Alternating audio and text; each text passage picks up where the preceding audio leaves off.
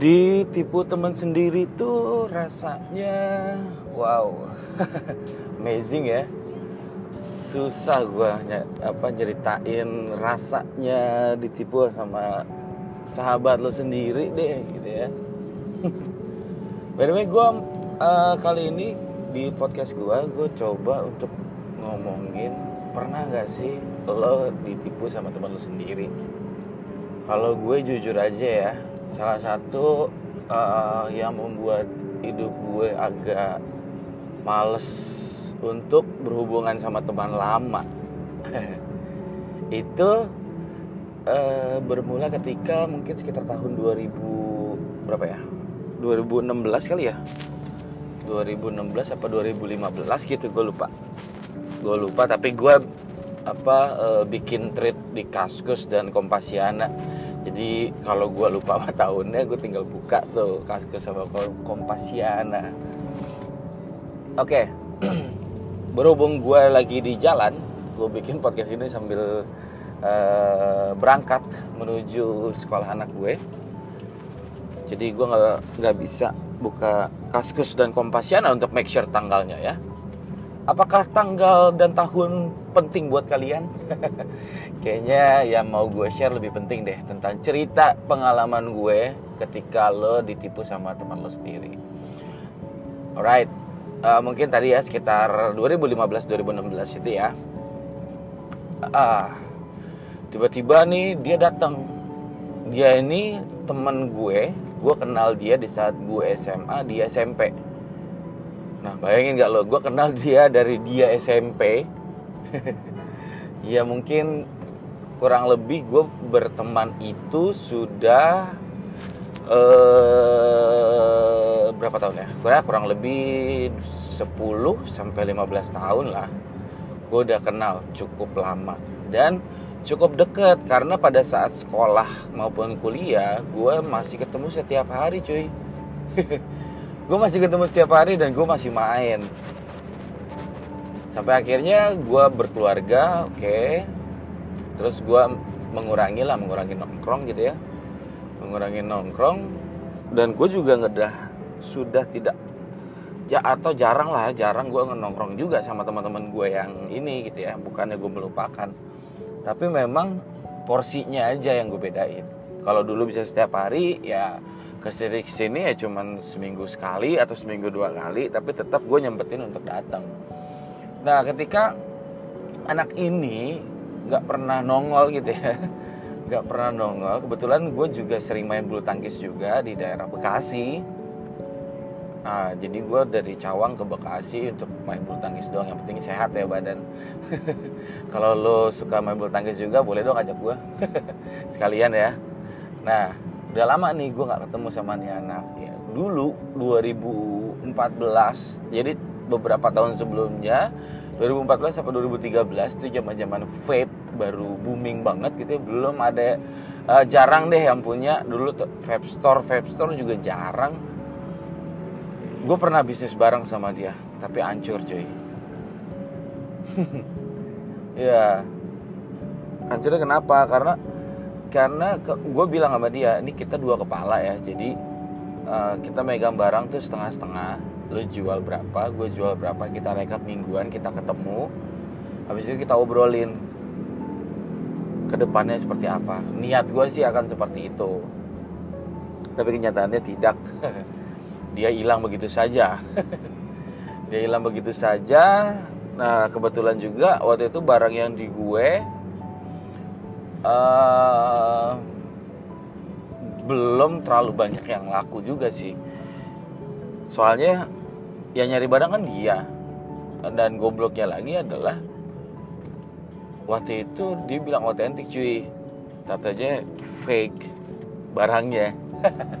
Ya udahlah pas gue tahu fake barangnya ya udah gue nggak nggak apa tuh namanya udah gua nggak jual lagi ke, ke konsumen gua atau ke customer gua karena ya men lo sadar bahwa yang lo bar apa yang lu jual itu barang tiruan atau KW males juga ya gak nah udah gitu hilang tuh selama setahun dua tahun tiba-tiba ketemu lagi ke rumah gue Cer. Jadi dia tuh bisnis baja ringan lah ya sama kakaknya.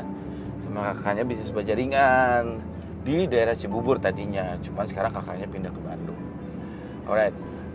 Udah gitu dia ke rumah gue dengan polosnya dia cuma bilang, "Ah, bro, pegawai gue belum gajian nih tiga bulan, baja ringan lagi seret, lagi sepi, ya kan." lo boleh tolongin gue nggak buat bayar gaji pegawai gue kata dia nah gue sebagai seorang wira swasta juga selain freelance karena gue juga seorang wira swasta gitu ya gue coba bisnis kecil-kecilan gue juga ngebayangin dong ketika lo amit-amitnya gitu ya usaha lagi mandek juga terus lo nggak bisa uh, bayar gaji karyawan lo lo harus gimana? Posisi kalau gue bokap cokap gue udah almarhum. Jadi ya paling dekat memang ke keluarga gue. Tapi kalau misalnya keluarga gue tidak bisa menolong itu pasti akan gue lari ke teman gue kan? Iya gak sih? Nah itu yang gue pikirkan pertama kali dan gue nggak pernah berpikiran jelek ke orang. Alhamdulillahnya sih seperti itu. Dulu itu gue sangat sangat ya gampang dipegoin sih. Gue nyadar gue nyadar. Nah akhirnya gue tanya lu perlu berapa? Gitu ya gue perlu sekian gitu wah anjir gede banget nih gue bilang gitu bagi gue itu gede sih. Dan gue cuma bilang e, bro gue nggak bisa kalau segitu. Gue bisanya setengahnya deh gitu kan. Karena kebetulan ya uh, yang ditawarkan ini cukup gede gitu ya. Terus gue bilang yaudah gue cuma bisa setengahnya. Terus gue revisi lagi. Eh setengahnya juga duit gue nggak ada deh karena gue udah mulai khawatir sebenarnya gue bilang gue bilang kayak gitu. Karena yaudah nih gue cuma ada sekian. Oke terus gue tanya ini jaminannya apa? Uh, jaminannya mobil waktu itu mobil operasionalnya. Xenia. Mobil Xenia tahu tahun tua tuh tahun berapa ya? 2007 apa? Udah gitu datang nih mobilnya ke gua Xenia. Cuy mobilnya hancur banget serius. Iya pas gue cek cek gitu wah radiator pecah udah bocor. Ya udahlah gue bilang ya udahlah ini emang ya udah teman gue mau gimana? Gitu ya. terus gue bilang nih ki uh, mobil lo kondisinya begini, begini ya udah deh gue tambahin vario gue vario dia cuy jaminannya udah Vario datang udah nih gue biasa aja gitu. Itu posisi kalau nggak salah di bulan Oktober apa November gitu. Biasa aja gue. Masih masih santai aja gitu nggak belum ada kepikiran bahwa ah ini anak bohong kali ya? Nggak belum ada seperti itu sih gue nah cuman uh, lambat laun mungkin ya Allah ngasih tahu gue gitu tapi melalui teman-teman gue yang lain gue dengar cerita dong tiba-tiba eh lu ketemu sama si Opit gak kata dia. Hah? kenapa emangnya gue bilang gitu kan. Iya soalnya dia minjem duit gue bla bla bla bla kata teman gue begitu. Hah? Serius loh? Gue bilang. Dia bilang buat apa? Dia, dia bilangnya kalau si ke teman gue ini buat nutupin hutang juga ke orang lain. Nah kalau bilang ke gue kan tadi gaji karyawan belum dibayarkan tuh nah tapi kalau teman gue buat nutupin utang lagi. Oh shit gue bilang gitu kan. Ya bener loh gue bilang. Iya bro panjang lebar nih cerita. Anjrit men. Ternyata hampir sebagian temen gue tuh ketipu semua sama dia. Iya kan? Posisi waktu itu akhir uh, akhir tahun lah. Tiba-tiba awal tahun doi kawin cuy. Doi akhir tahun eh sorry akhir Januari cuman tahunnya gue lupa. Akhir Januari dia nikah di Cilandak kalau nggak salah outdooran gitu. Terus gue sama teman-teman gue lihat-lihatan dong. Anjir jangan-jangan dia minjem duit karena buat nikah. Make sense sih. Ya, cuman uh, gimana ya? Nikah itu kan sakral cuy. Kayaknya kalau dapat dari hasil yang jelek bakal hancur sih menurut gue ya. Tapi terbukti cuy. Ketika dia nikah itu hujan badai panggungnya bocor. Asli gue nggak bohong demi Allah. Serius itu udah hancur angin. Wah badai. Gokil sih. Dan uh, gokilnya lagi adalah beberapa bulan doang dia nikah. Habis itu dicerai dong. Wow. Dan gue bikin podcast kayak gini gue nggak ada bermaksud untuk menjelekkan teman gue yang udah jelek ini. Tapi gue bakal coba untuk sharing gitu ya. Sharing ke teman-teman biar waspada deh sama teman lo. Apalagi teman yang udah lama nggak ketemu ya kan? Tiba-tiba sok baik gitu sama lo nah itu harus waspada sih. Jadikan ini sebagai pengalaman hidup aja. Nggak perlu disesali karena ya udahlah lo udah uh, bisa atau tahu resiko yang lo hadapi kalau lo minjemin duit ke teman dari situ gue jadi waspada sama orang. Dan gue agak sering suuzon sama orang. Dari situ. Nah terus gue cari tahu juga ternyata selain teman gue doi pinjem uh, pinjaman online cuy. Ngeri gak sih? Tiba-tiba gue dapat SMS dari pinjaman online yang minjem orang lain tapi yang ngelunasin lo.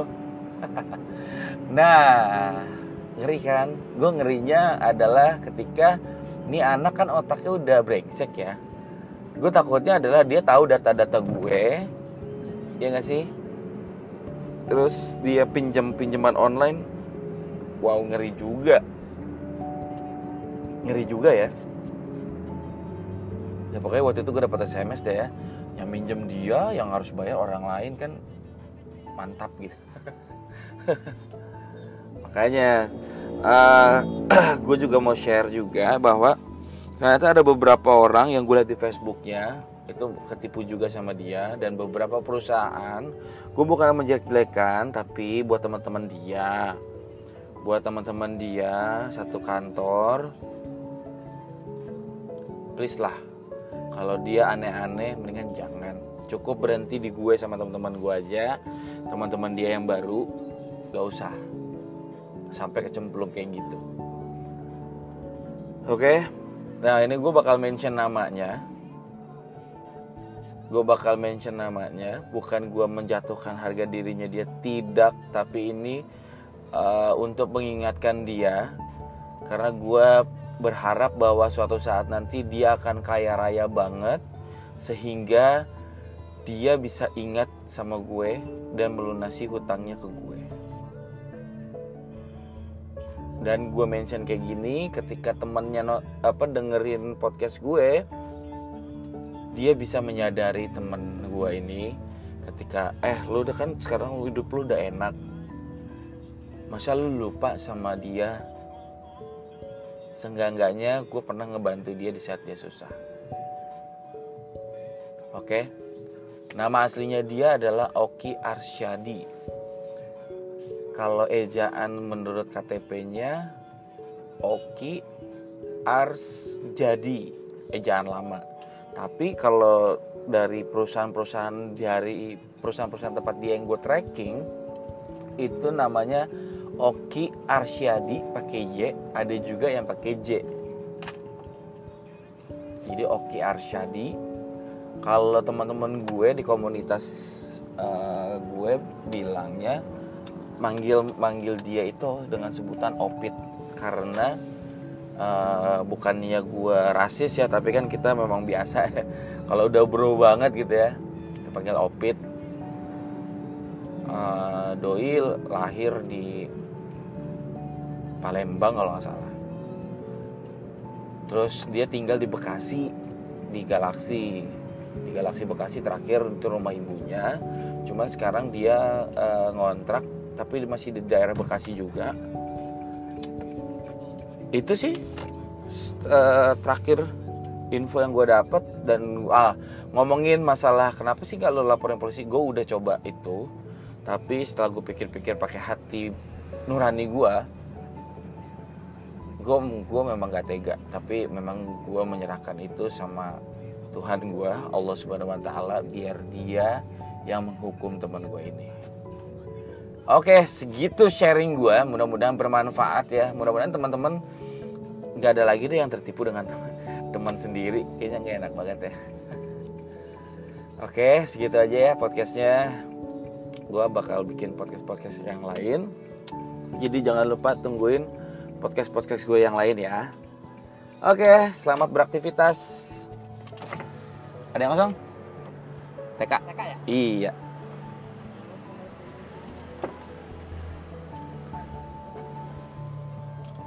Kebetulan gue udah nyampe juga di sekolah anak gue.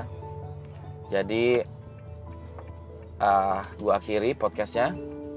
Sampai ketemu di podcast gue selanjutnya. Semoga balik lagi ya, tidak ada yang tertipu dengan teman sendiri. Apalagi masalah duit-duitan ya bisa menghancurkan pertemanan. Lebih waspada lagi sama teman, apalagi teman yang sudah lama nggak ketemu. Teman yang udah lama nggak ketemu, tiba-tiba ketemu. itu harus waspada juga tuh oke sekian dari gue terima kasih yang udah dengerin sharing gue terima kasih banget sampai ketemu lagi di podcast gue selanjutnya bye